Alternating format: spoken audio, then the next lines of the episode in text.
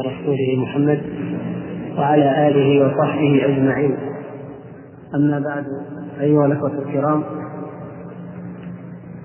بالنسبة للرسالة هذه الفتوى تحكيم القوانين إن شاء الله تعالى إما أن تأتي من المستودعات في بعض المكتبات في الرياض قريبا ولكن إن لم يكن ذلك فأيضا يمكن أن يعاد طبعها بإذن الله. وتنتشر إن شاء الله. والآن بعض إخوانكم جاء برسائل قليلة يمكن لمن ليست لديه أن يأخذها. والذي عنده فيعيرها لأخيه. ويمكن أيضا الأخ أن يصور منها عدة صور ويعطي إخوانه. يتعاونون إن شاء الله بشهر الخير والبركة هذا على مثل هذا العمل الخير بإذن الله. وكنا بفضل الله تعالى وتوفيقه.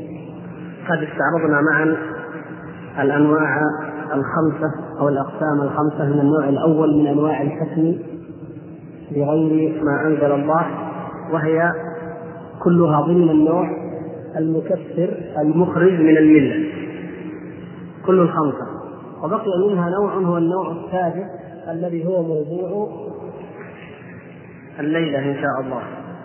وهو كما قال الشيخ محمد بن إبراهيم رحمه الله قال السادس ما يحكم به كثير من رؤساء العشائر والقبائل من البوادي ونحوهم من حكايات آبائهم وأجدادهم وعاداتهم التي يسمونها سلومهم.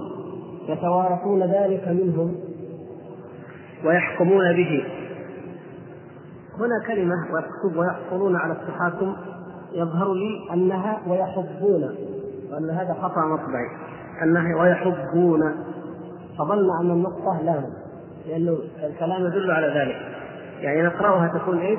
ويحضون على التحاكم إليه عند النزاع بقاء على أحكام الجاهلية وإعراضا ورغبة عن حكم الله ورسوله صلى الله عليه وسلم فلا حول ولا قوة إلا بالله. هذا النوع أيها الأخوة الكرام هو قديم جديد. فهو قديم منذ أن انحرف الناس عن التوحيد وعن طاعة الله سبحانه وتعالى واتبعوا أهواءهم وأطاعوا سادتهم وكبراءهم. وهذا قديم في التاريخ. وهو جديد إذ ما يزال إلى اليوم في أكثر أو في كثير من أنحاء الأرض. الحكم العشائري أو القبلي الطاغوت العشائري طاغوت القبيلة طاغوت العشيرة. النظام أو القانون الذي تمشي عليه القبائل. هذا ما يزال إلى اليوم. فالأصل كما تقدم معنا من قبل الأصل في القوانين المنحرفة عن دين الله وعن هدى الله سبحانه وتعالى هو أنها قوانين عرفية قوانين غير مكتوبة تتعامل بها القبيلة مع أفرادها والقبيلة مع القبيلة. والمجتمعات القبلية هي المجتمعات كثيرة في عصور التاريخ المختلفة قبل أن تنشأ المجتمعات التي هي أكثر اتساعا وهي مجتمعات المدن. فأكثر مجتمعات الأرض ولا سيما في التاريخ القديم هي مجتمع القبيلة.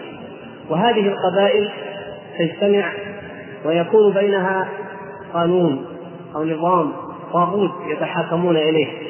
سواء وضعه شيخ القبيلة أو وضعه الساحر أو الكاهن أو أي كان لأن العادة في تلك القبائل العادة في أكثر القبائل وهذا موجود من الآن في قبائل أمريكا الوسطى والجنوبية وقبائل المناطق الاستوائية من أفريقيا وفي قبائل آسيا الوسطى في مناطق المناطق النائية من آسيا وكذلك في قبائل جزر الهند الشرقية وغيرها أستراليا. هذا طبيعة هذه طبيعة القبائل. أنه لديها زعيم للعشيرة. وكذلك يوجد لديها غالبا الساحر أو الكاهن الذي يقوم بوظيفة التطلع إلى السماء بزعمهم كعادة المنجمين وإخبار القبيلة بما ينبغي أن تفعله. وإخبارها بالامطار أو بعدم الامطار والحكم ما بينها أيضا عند الخلاف وما أشبه ذلك. ومع الزمن تتولد وتترسب لدى القبيلة قوانين ترسخ وتثبت حتى تصبح هي الذي يتحاكمون إليه ولا يقبلون حكمه ولا يقبلون حكم غيره. هذه الأحكام القبلية هي التي فيما بعد نشأت أو ظهرت منها القوانين المكتوبة. يعني عندما تتقدم المجتمعات أكثر أو تترقى أكثر التمدن والاجتماع والحضارة المادية فإنها تحول تلك القوانين إلى قوانين مكتوبة. فقد تجتمع وقد تتفق وتكتب هذه القوانين ثم تصبح دستورا مكتوبا. مثل الحال في الدول كما مر معنا في تاريخ التشريع أو في تاريخ التقنين الوضعي في العالم. هذه هذه من جانب في أكثر دول العالم أو أمم العالم. من جانب آخر نجد أن أوروبا خاصة عاشت نظاما أبدع وأسوأ من الأنظمة القبلية الأخرى. وهو النظام المعروف بالنظام الإقطاعي. وهذا النظام فيه من الظلم والحيف على الإنسان ما لا أو ما لم يشهده أي نظام آخر على ما يبدو في التاريخ. وخاصة عندما كانت أوروبا غارقة أكثر في ظلمات القرون الوسطى. قبل أن تظهر فيها حركات التحرر وحركات العشق التي يسمونها الليبرالية. هنالك كان القانون والشرع والنظام يضعه المالك الذي يملك الإقطاعية.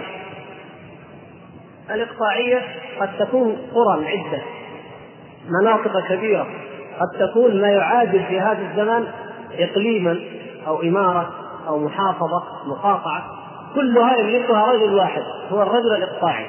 وهذا الرجل هو الذي يشرع كما يشاء ويفعل ما يشاء بكل من داخل الإقطاعية.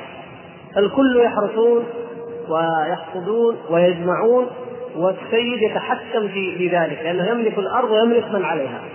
يتحكم في الثروة يجمعها ياخذها كلها كلها إليه. يتحكم في نسائهم في أموالهم في دمائهم يحكم فيما بينهم فله التصرف المطلق في كل شيء. ولذلك أوروبا لأنها عانت من هذا النظام أشد المرارة والألم.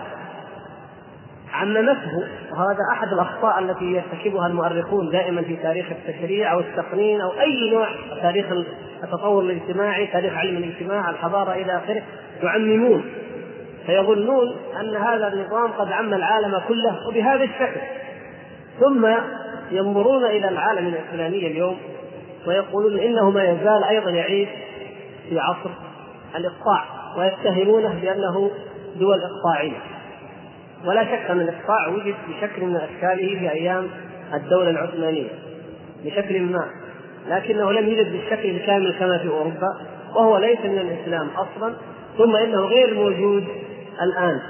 لكن هم ينظرون إلى الثورات التي قامت وهو كما تعلمون أول ثورة قامت في في أوروبا.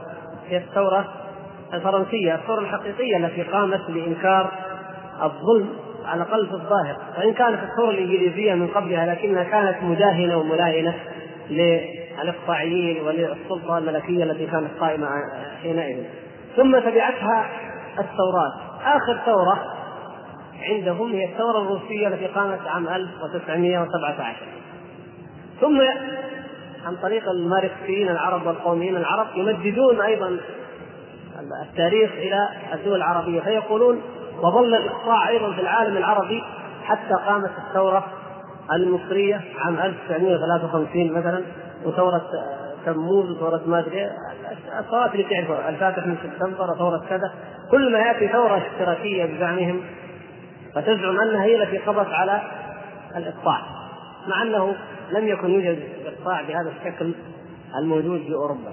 الشاهد أن النظام الاقطاعي شهد أسوأ أو أشد أنواع التسلط والظلم بحيث أن التشريع كان يستمد من المالك. الاقطاعي الذي يملك الأرض ومن عليها وهو الذي يشرع لهم كل شيء. وهذا من افحش وأشد أنواع الظلم. حتى كان بعضهم لا يحق لأي رجل في الإقطاعية أن يتزوج أو أن يدخل بزوجته إلا بعد أن يراها السيد المالك الإقطاعي فإن أعجبته فإنه يدخل بها قبل زوجها يفعل بها الفاحشة وإن لم تعجبه تركها. يعني وصلوا إلى حالات من الظلم قد لا يكون لها نظير. ومن المؤلم والمؤسف في مثل هذه الحالة أن نذكره أن نظام الإقطاع سخر كثيرا من المسلمين وجعلهم عبيدا في الأراضي. فدرجتهم أدنى من درجة المزارعين والفلاحين. وهؤلاء العبيد هم من المسلمين في الأندلس الذين هجروا وطردوا وهم من المسلمين الذين أسروا في الحروب الصليبية وفي غيرها. فأرغموا على أن يتركوا دينهم. وارغموا على أن يعيشوا عبيدا للأرض يخدمون المزارعين الذين هم ملك للسيد أو للمالك الاقطاعي وهكذا دائما هذا الظلم آه، دائما هو قاعدة وهو معاملة كل من لم يعرف الله عز وجل ولم يوحد الله ولا يخاف من الله سبحانه وتعالى فإن هذا هو حاله. مقترن به الظلم والجهل والجبروت والتسلط وخاصة من اليهود والنصارى وأمثالهم على المسلمين. وهذه أيضا في جانب من جوانبها هي عقوبة من الله سبحانه وتعالى على المسلمين. عقوبة لهم على ما فعلوا وما ارتكبوا وما فرطوا في دينهم. ثم يظل النظام العشائري أو النظام القبلي سائدا حتى في العالم الإسلامي. إذا رجعتم لمجموع فتاوى شيخ الإسلام ابن تيمية رحمه الله تجدون ذلك واضحا عندما يسأل شيخ الإسلام عن الذين يتحزبون أو يتعصبون لهلال مثلا كما كانت تلك القبيلة أو لليمن قبائل اليمن أو لغيرها شدت العصبية واشتدت آه، في في الأندلس وفي بلاد الشام وغيرها وكانت القبيلة لها نظامها الداخلي الخاص. وظل هذا النظام وما يزال في بلاد الشام إلى اليوم. فهناك يعني الأردن وسوريا وغيرها. هنالك يعني نظام العشيره وحاكم العشيره وشيخ العشيره وأعراف العشيره تتحكم وتسيطر على الناس ويتحاكمون إليها. والحكومات في بعض الدول تقر أحكام العشيره لأنها تخلصها من جانب مشاكل الناس من جهة ولأن الناس أصلا لا يقبلون إلا حكم العشيره فمهما حاولت الدولة أن ترغمهم على أحكامها أو قوانينها فإنهم لا يقبلون ذلك. أما في إفريقيا مثلا وغيرها من المناطق فمعروف ان الطابع القبلي ما يزال سائدا كما هو أيضا سائد في المناطق الداخلية من آسيا في شمال باكستان في أفغانستان تلك المناطق أيضا النظام السائد هو نظام القبيلة ولذلك القانون السائد هو عرف القبيلة ومن اجتمعت عليه القبيلة.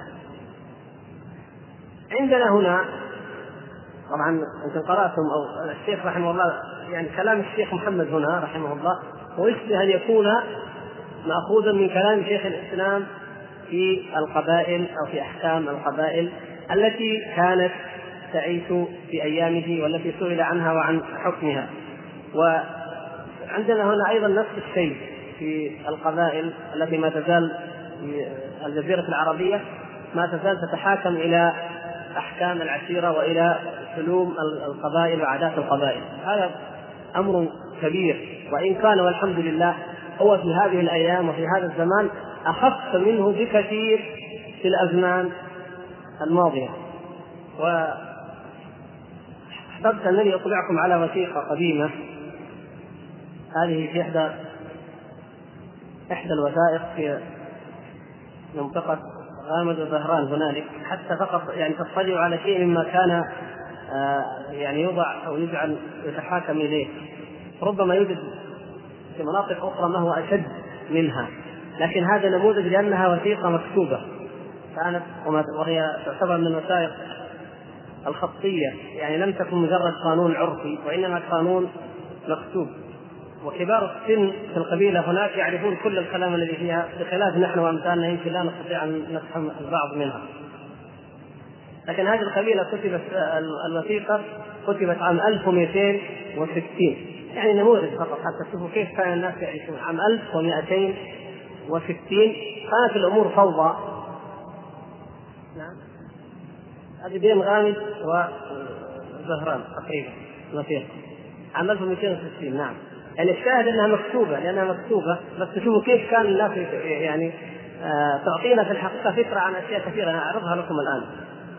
أول شيء أن الناس في ظل فقدان الحكم. ما في حكومة مركزية فالناس يجدون أنفسهم مضطرين إلى أن يضعوا أشياء يتالفون ويتعارفون عليها فمن هنا يأتي شيخ القبيله ودوره في عقد اتفاق مع القبيلة الأخرى. هناك يعني قتل ونهب وأسواق ويتاجرون فيها وحدود بين القبائل لا بد أن يوضع شيء. هذه الوثيقه التي يسمونها الشدة الشدة بمعنى العقد أو المعاهدة. يعني هذه تعطي نموذج لفكر آه، يعتبر راقي. يعني فيها شيء من الأحكام الشرعية وفيها أيضا نوع من حفظ الحقوق. وفيها مخالفات واضحة كما لا يخشى. المهم إن هذه الوثيقة يعني أولها يقول الحمد لله رب العالمين والعاقبة للمتقين. لقد تحاضروا جماعة من المسلمين ممن يأتي اسماءه ذكر أسماء ما في داعي ذكرها. قالوا شوفوا كيف. وانه وأنه عهد موروث. العهد هذا. عهد موروث حتى يرث الله الأرض ومن عليها وهو خير الوارثين. شوف كيف يعني يعبروا بتعبيراتهم حتى يؤكدوا هذه العهود والعقود لأن ما عندهم من يحفظ لهم الأمن ويضبط لهم. يقول ما دام الله يعبد والماء يورد والغراب أسود والناس تصلي على محمد اللهم صل وسلم يعني هذا من قوة التأكيد في العهد أنه يبقى هذا العهد بين القبيلتين. قبيلة الرهوة و غامز إلى أن يقول آه، مثلا ذكر بعض الأحكام. أول شيء قال يعامل المثل بالمثل في كل شيء. هذه قاعدة صحيحة ما لم تخالف نصا شرعيا. يعني بالنسبة للأسواق والمعاملات التجارية يعامل المثل بالمثل. قال والسوق من المتكفلات يكفل الجار جاره والسبيل والمتبع والضيف يكفل كل من يهبط فيه. كان النظام عندهم إيش؟ أن السوق يكفل كل من يهبط فيه. إذا كان مثلا عندنا قريه من القرى سوقها يوم السبت قريه أخرى الأحد قريه معروفه حسب الأيام. القرية هذه التي مثلا سوقها يوم الأحد في حدود السوق وما حوله يكون كل ما يراق من دماء أو يقع من مشاكل أو سرقة أو أي مشكلة في ضمان وكفالة القبيلة التي السوق فيها. يعني عليها أن تحمي الجار وأن تحمي آه، الضعيف أو تأخذ الحق للمظلوم حتى تخرجه عن حدود القبيله إلى القبيلة الأخرى فانتهى إذا هبط إلى سوق آخر هبط يعني معنى تسوق. إذا راح إلى سوق آخر فايضا على حدث أهل ذلك السوق. يعني إذا ما ضع هذه الأشياء تضيع الأمور. كيف يمكن ان فلا بد أن يضعوا يعني أمور آه، أو أحكام. عقود يتعاقدون يتعاهدون عليها لأن ليس هناك أمن مركزي عام كما ذكرنا. الشاهد هذا يقول والمقروعات والمشتبهات فيها قول عارفة. طيب كيف كانوا يتحاكمون إذا اشتبهت الأمور؟ عارفة، قول عارفة، قول العارفة يعني إيش؟ رجل صاحب خبرة بما يسمى الآن في عصر صاحب الخبرة يحكم في القضية اشتبهوا في مكيال في ميزان مثلا في أمر من الأمور آه مثلا اشترى دابة قال هذه غالية هذا قال هذا رخيصة يجيبوا العارفة هذا هو انسان صاحب خبرة في الموضوع فيقول لا لا كذا ولا كذا يحكم بين الطرفين أحيانا يعني صلح أو شيء من ذلك فيلزم الناس به ويمضون عليه طبعا تكون الثارات والقتل لكن من حيث النظام انه الأصل هو إيه؟ أنها فيها قول عارفة يعني رجل صاحب خبرة وبعدين قال كل شيء مثله إلى أن يقول في شجره الجار ذنب على جنبه كانت الايش؟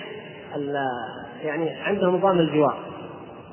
والإنسان إذا قتل أو ارتكب أي مصيبة في بلده يداور عند قبيلة تحميه يعني تتوزع كما يسمونها أو تحميه فينزل في هذه القبيلة ويعيش حتى يصبح أحيانا من اهلها وينسى اصله القديم.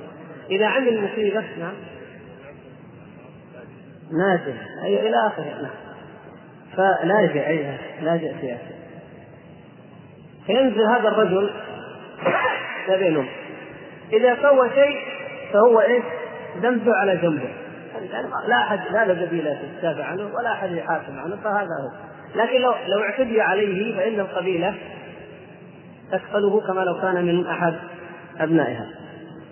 بعدين ذكروا قضية أحكام لا بأس نذكرها حتى نعرف نعمة الله علينا أيضا. يعني الذي يخدم بماء لهدوء الرجال يحصل 65 ريال.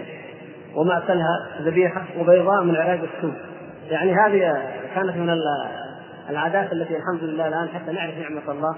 يعني الإنسان اللي يخدم بضيفة الجماعة أو يعطي أي شيء في آه، مناسبة ينشرون له البيضاء. يعني قماش ابيض يرفعوه في السوق. هذه البيضاء لفلان. إنه يعني إيش؟ هذا تجمل وكرم الضيوف واحتم وفعل. إيش عندهم يعني؟ جائزة تقديرية. ما عندهم. هذه هي الجائزة. ينشرون اللواء الأبيض حتى يعني يكون هذا علامة ويتنافس الناس في رفع الرايه البيضاء. طيب شوفوا كيف بعدين. يقول إيش؟ ومن نقى بغير علق ولا دعاية فله البيضاء. رد وهي رأسين من القماش الرأس ما أدري يسمى الآن يوجد رأس ولا لا. الذي هو الطاقة الكاملة يعني تسمى رأس. هذه شوفوا كيف من نقى اللي ينقى من غير علق ولا دعاء يعني واحد أيوه نعم أنا حتى أنا ما أعرفها كلها.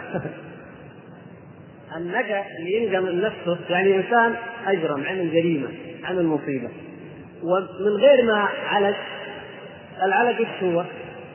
أن الواحد يحط رهن أو يحط معدال كما يسمونه.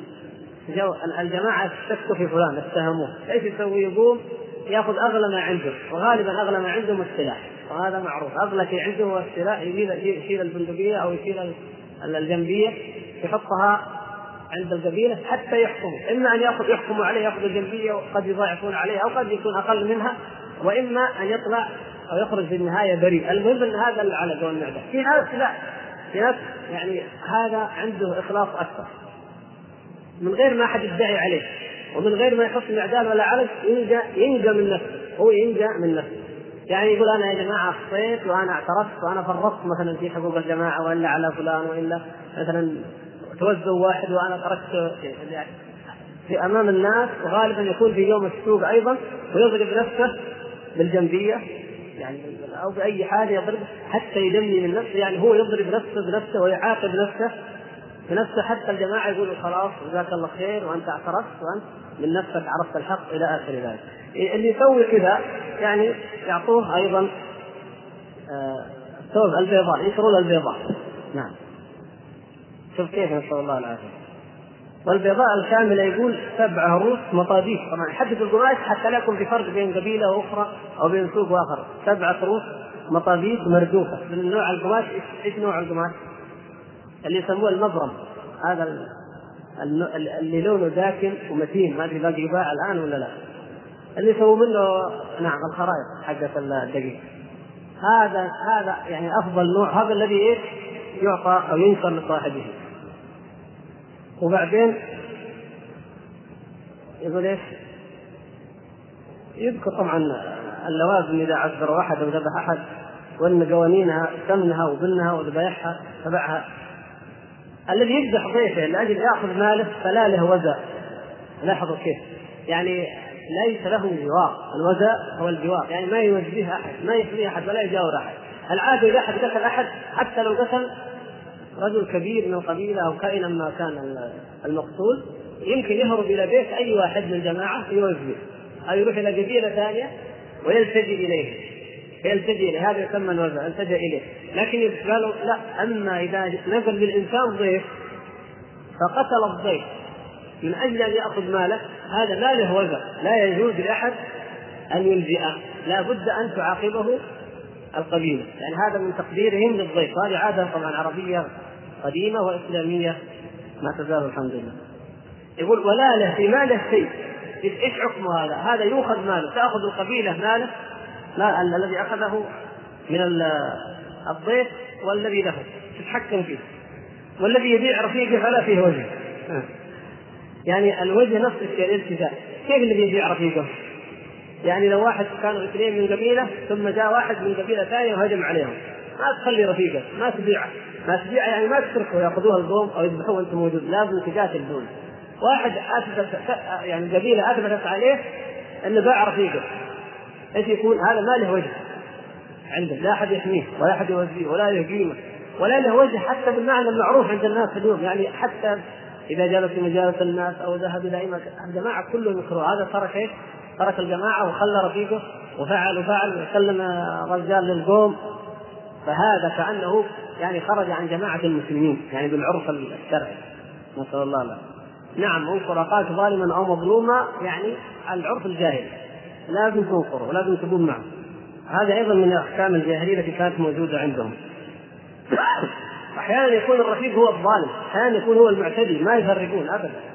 حتى لو كان أراد أن يعتدي على مال أو على عرض أو يعني ينتهك محارم ويفعل أي شيء. ثم قامت الحرب أو دعا الداعي أو صاح الصايح كما يقولون فيجب أن يكون الرفيق مع مين؟ مع رفيق حتى الشهادة لازم تشهد مع رفيقك حتى بعد ما جاءت المحاكم. حرام ما هو حرام. يعني مستحيل يشهد الواحد على رفيقه. يعني على الأقل لا تشهد اسكت. أما إنك تشهد ضد رفيقك لو قامت دعوة من قبيلة على واحد من جماعتك من قبيلتك وشهدت أنت لذلك وإن كانت شهاده حق ما لك وجه عند الجماعة ابدا. والعياذ بالله. هكذا العرف الجاهلي نسأل الله السلامة والعافية. انه عندهم مثل يقول الذمة اللي ما تاخذ من الرفيق جعلها كذا وكذا ذمة. يعني الذمة الأمانة إيش فائدتها اذا ما خدمت الرفيق وما خدمت نسأل الله يعني تخدم بالحق بالباطل ما المهم إنها تخدم الرفيق. وليس تبغاها؟ يعني تحملها إلى متى يقول الذمة؟ يعني هذه من احكام الجاهلية والعياذ بالله. ومن الجور الذي نهى عنه الله سبحانه وتعالى الذي أمرنا بالعدل ولو كان ذا قربى. يقول إيش؟ والبير الذي على الطريق فعل راعيها إما دفنها ولا يهب عليها شهود اقران وإلا فيحمل ضررها. البير التي على الطريق. والهيناء من الإبل والجمل العادي والثور النطاح ولا مع قائد فيحمل ضرره والضمان يلزم في كل شيء وهو قاعدة من قواعد العرب وباب من بيبان الشرع. أيضا وفي باب من باب يعني الضمان قاعدة من قواعد العرب وباب من أبواب الشرع. يعني لا شك أن الضمان باب من أبواب الشرع لكن قد لا يضمن كما في قول النبي صلى الله عليه وسلم المعدن جبار والعجماء جبار. قد لا يضمن شرعا فليس على الرجل في الشرع أن يضمن العامل. لو أنك أنت اتخذت عاملا يبني لك بناء يعمر لك في عمارة. ابني فسقط من اعلى العمارة ليس عليك شيء شرعا. وكذلك لو أنك اتخذت معدنا لاستخراج المعادن كما كان معروف من زمن النبي صلى الله عليه وسلم وما قبله. فوقع عليه المنجم مثلا ودفن أو مات. ليس عليك شيء. والبئر جبار أيضا. البئر جبار. في الشرع هدر. بمعنى إذا كان لديك بئر وجاء إنسان مات ووقع فيها ليس عليك انت شيء. ما لم يكن هناك تكرير وكذلك العجماء جبار. العجماء الدابة جبار يعني هدر. ما لم يكن منك تفريط. فلو أن إنسانا كان به دواب جمال أو ثيران أو ما أشبه ذلك فوقعت معركة أو مشكلة بين هذا الجمل وبين أي واحد من الناس وأكله الجمل. أو الثور نطحه فمات. أو رفسه الحمار أو البغل أو كذا فمات. فإنه شرعا ليس على صاحبه شيء. ما لم يكن هناك تعمد للعدوى أو أو إضرار أو أو تفريط معين. اذا هذه في الشرع تعتبر هدر جبار هدر ليس فيها شيء لا يضمن أصحابها. لكن هم كانوا يخالفون هذا. مثل ما مثل القوانين الحديثة الآن هي تلزم صاحب العمل المتغرم بذلك يقول وضمان العقد يلزم ولا يصح ضمان فوق ضمان. فالضمان الأول يلزم من ضمن من ضمنه والتسلم قبل السيئة يلزم ومن تسلم بعدها فلا يسلم. وبعدين يذكر إيش؟ الديره والحماية إلى آخره ما في داعي لها ثم يقول وإن ذبح آه المستعمل آه، ذبح ذبح المستعمل. المستعمل يعني الشغال الأجير. فعلى الذي استعمله نصف الدية. وإن كان بعيد من طرف الجماعة فعليهم أي القبيلة الدية. يعني إذا إذا أحد قتل أو أحد ذبح داخل القبيلة شوف كيف تقديرهم قالوا نصف الدية على من؟ على صاحب العمل اللي جابه يشغل عنده عليه نصف الدية ليش؟ إيش ذنبه؟ ما ذنبه هو؟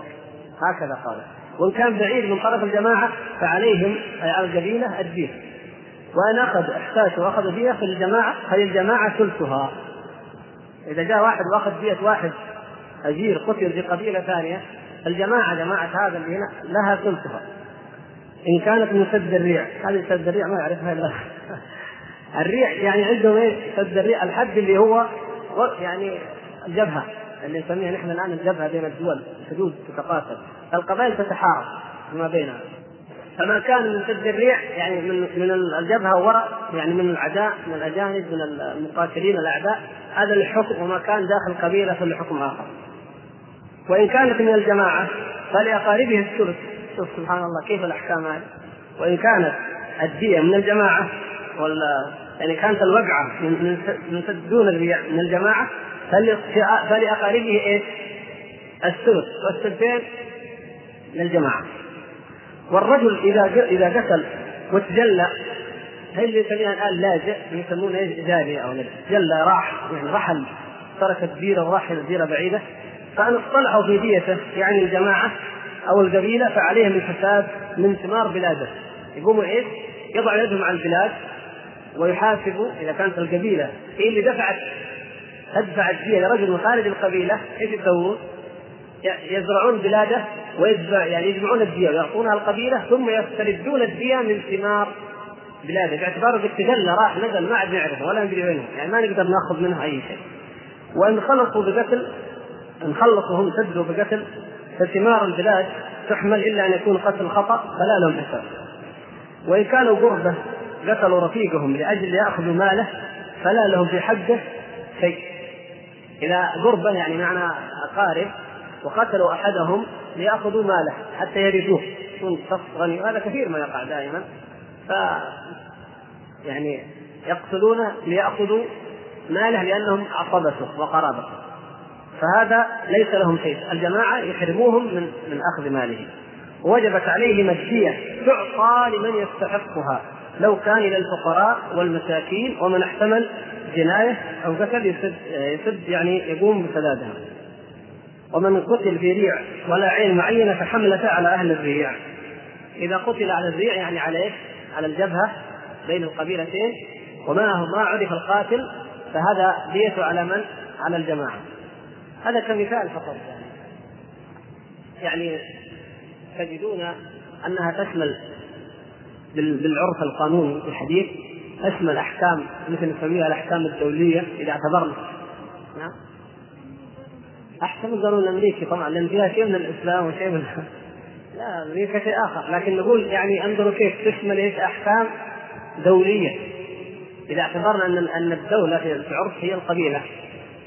يعني القبيله هي الدولة فهي تشمل أحكام دولية يعني يتعلق بالقبيلة مع القبيلة وتشمل أحكام جنائيه كما في كلامهم في القتل وفي الديات تشمل أحكام أيضا معاملات تشمل أحكام تجارية كما في كلامهم عن السوق وغيره تشمل أحكام أيضا عمالية كما يسمون أحكام المستأجر والأجير إذا قتل وإذا كذا وإذا فيعني أحكام تلك المجتمعات وتقاليدها وقوانينها وقواعدها بحسب عصرها يمكن انها تعتبر إيش؟ عبارة عن قوانين متكاملة أو مسودات قوانين جاهزة. هذه نموذج من الأحكام التي كانوا يتحاكمون بها.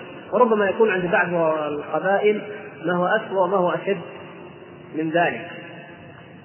ومما يعني قرأناه وعرفناه منهم أيضا أو مما نسأل من كبارهم أنهم كانوا يحكمون بالسارق أحيانا يؤخذ ربع ماله.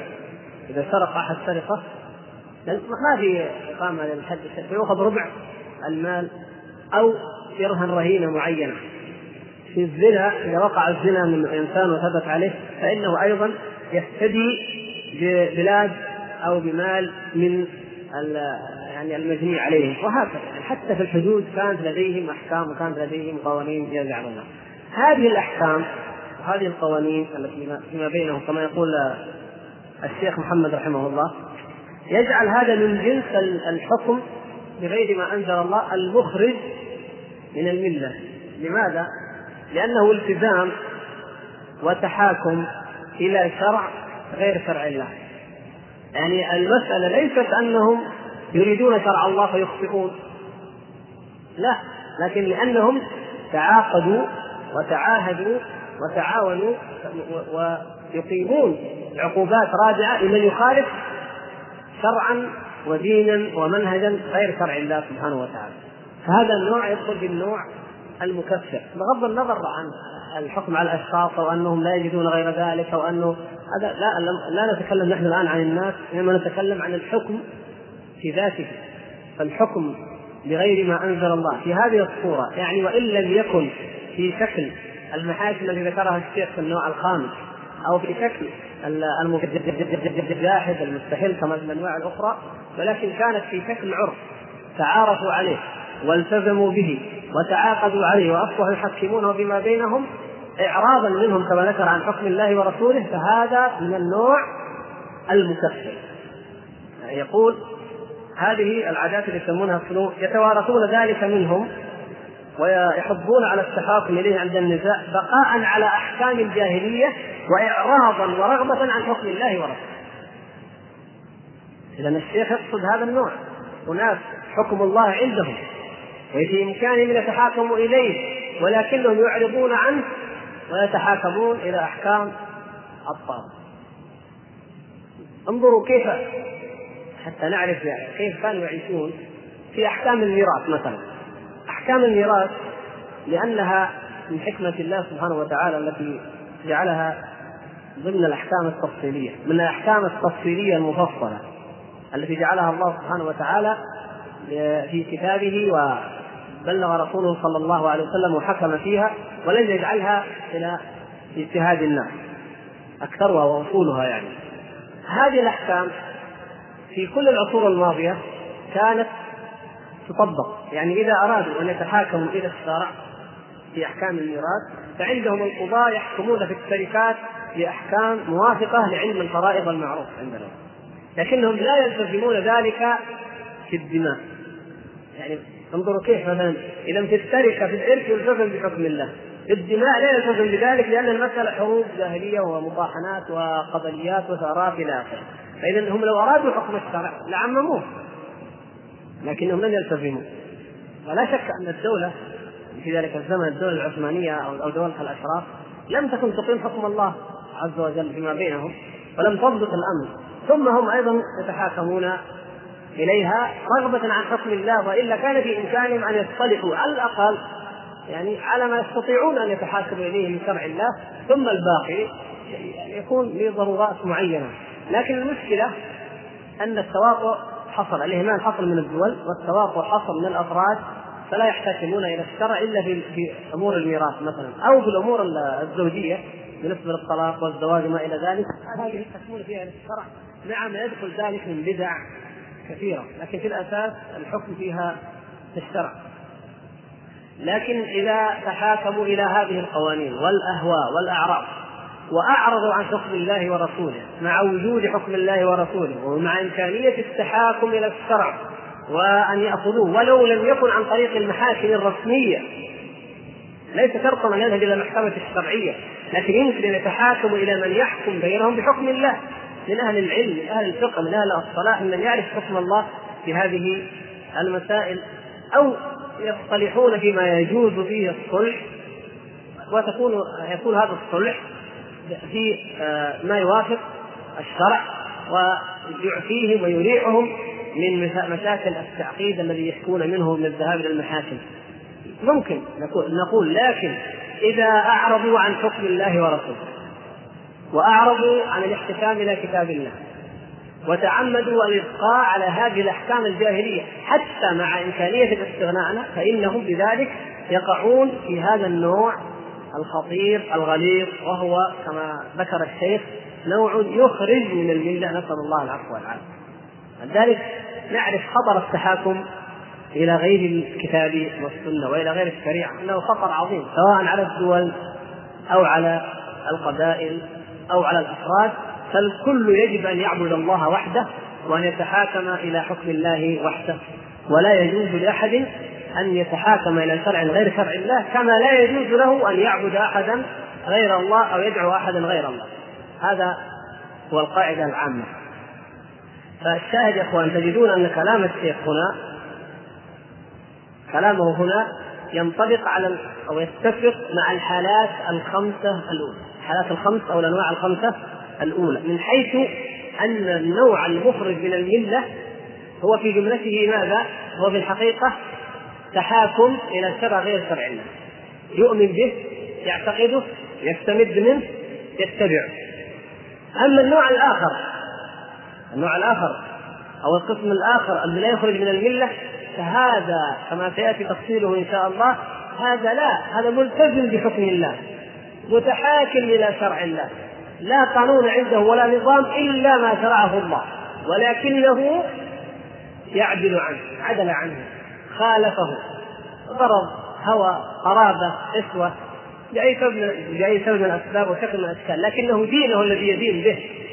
شرع الله. شرعه قانونه نظامه هو ما أنزله الله. هذا هو الفرق الأساسي. فلذلك أدخلت أحكام القبائل ضمن النوع المكفر أو المخرج من الملة. ولا شك أن هذا مما يستوجب من الإخوة الكرام الدعوة إلى الله سبحانه وتعالى وتحذير القبائل الموجودة والمنتشرة الآن في الجزيرة هنا وغيرها طبعا باب أولى مما لديهم من أحكام عرفية تخالف حكم الله وتخالف ما جاء في كتاب الله وسنة رسول الله صلى الله عليه وسلم.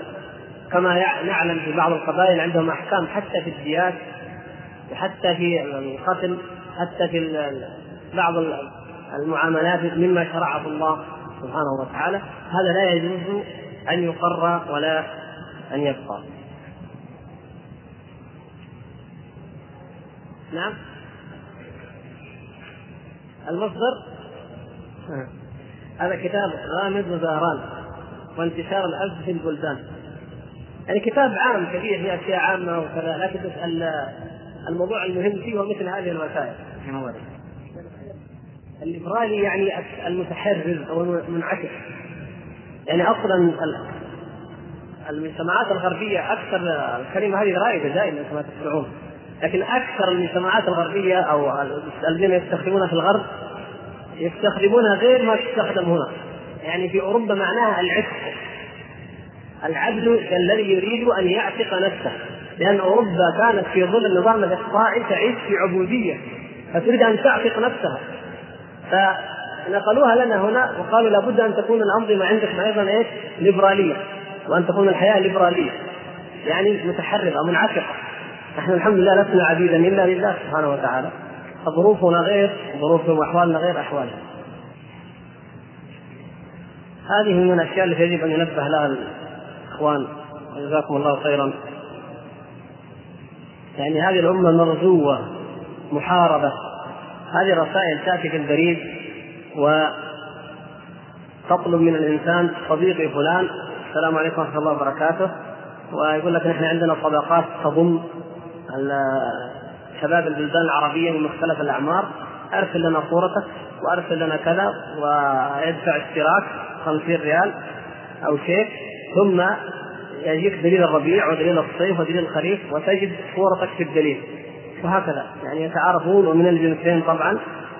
واحد يعبي البطاقة هذه يلصق هذه يحطها على الظرف ويرسل إلى مصر.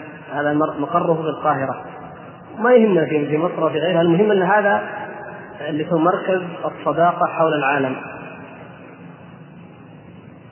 وفي وفي دول أخرى. هذه كلها تريد أن تصطاد الشباب المسكين.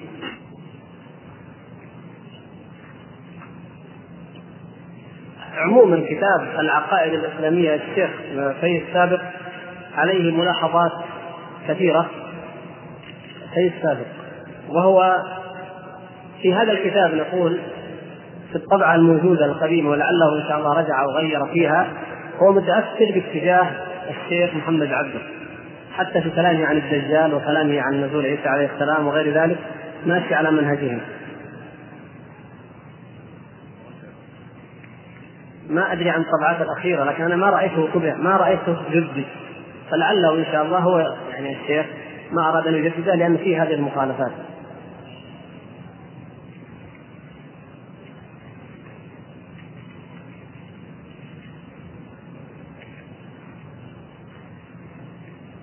برنامج ليالي رمضان هذا التلفزيوني صحيح انه يظهر فيه شاب ملتحي وأنه يعني أو له لحية. وأنه يظهر السذاجة والغباء والطمع والحماق. أنا والله ما أدري ما أدري.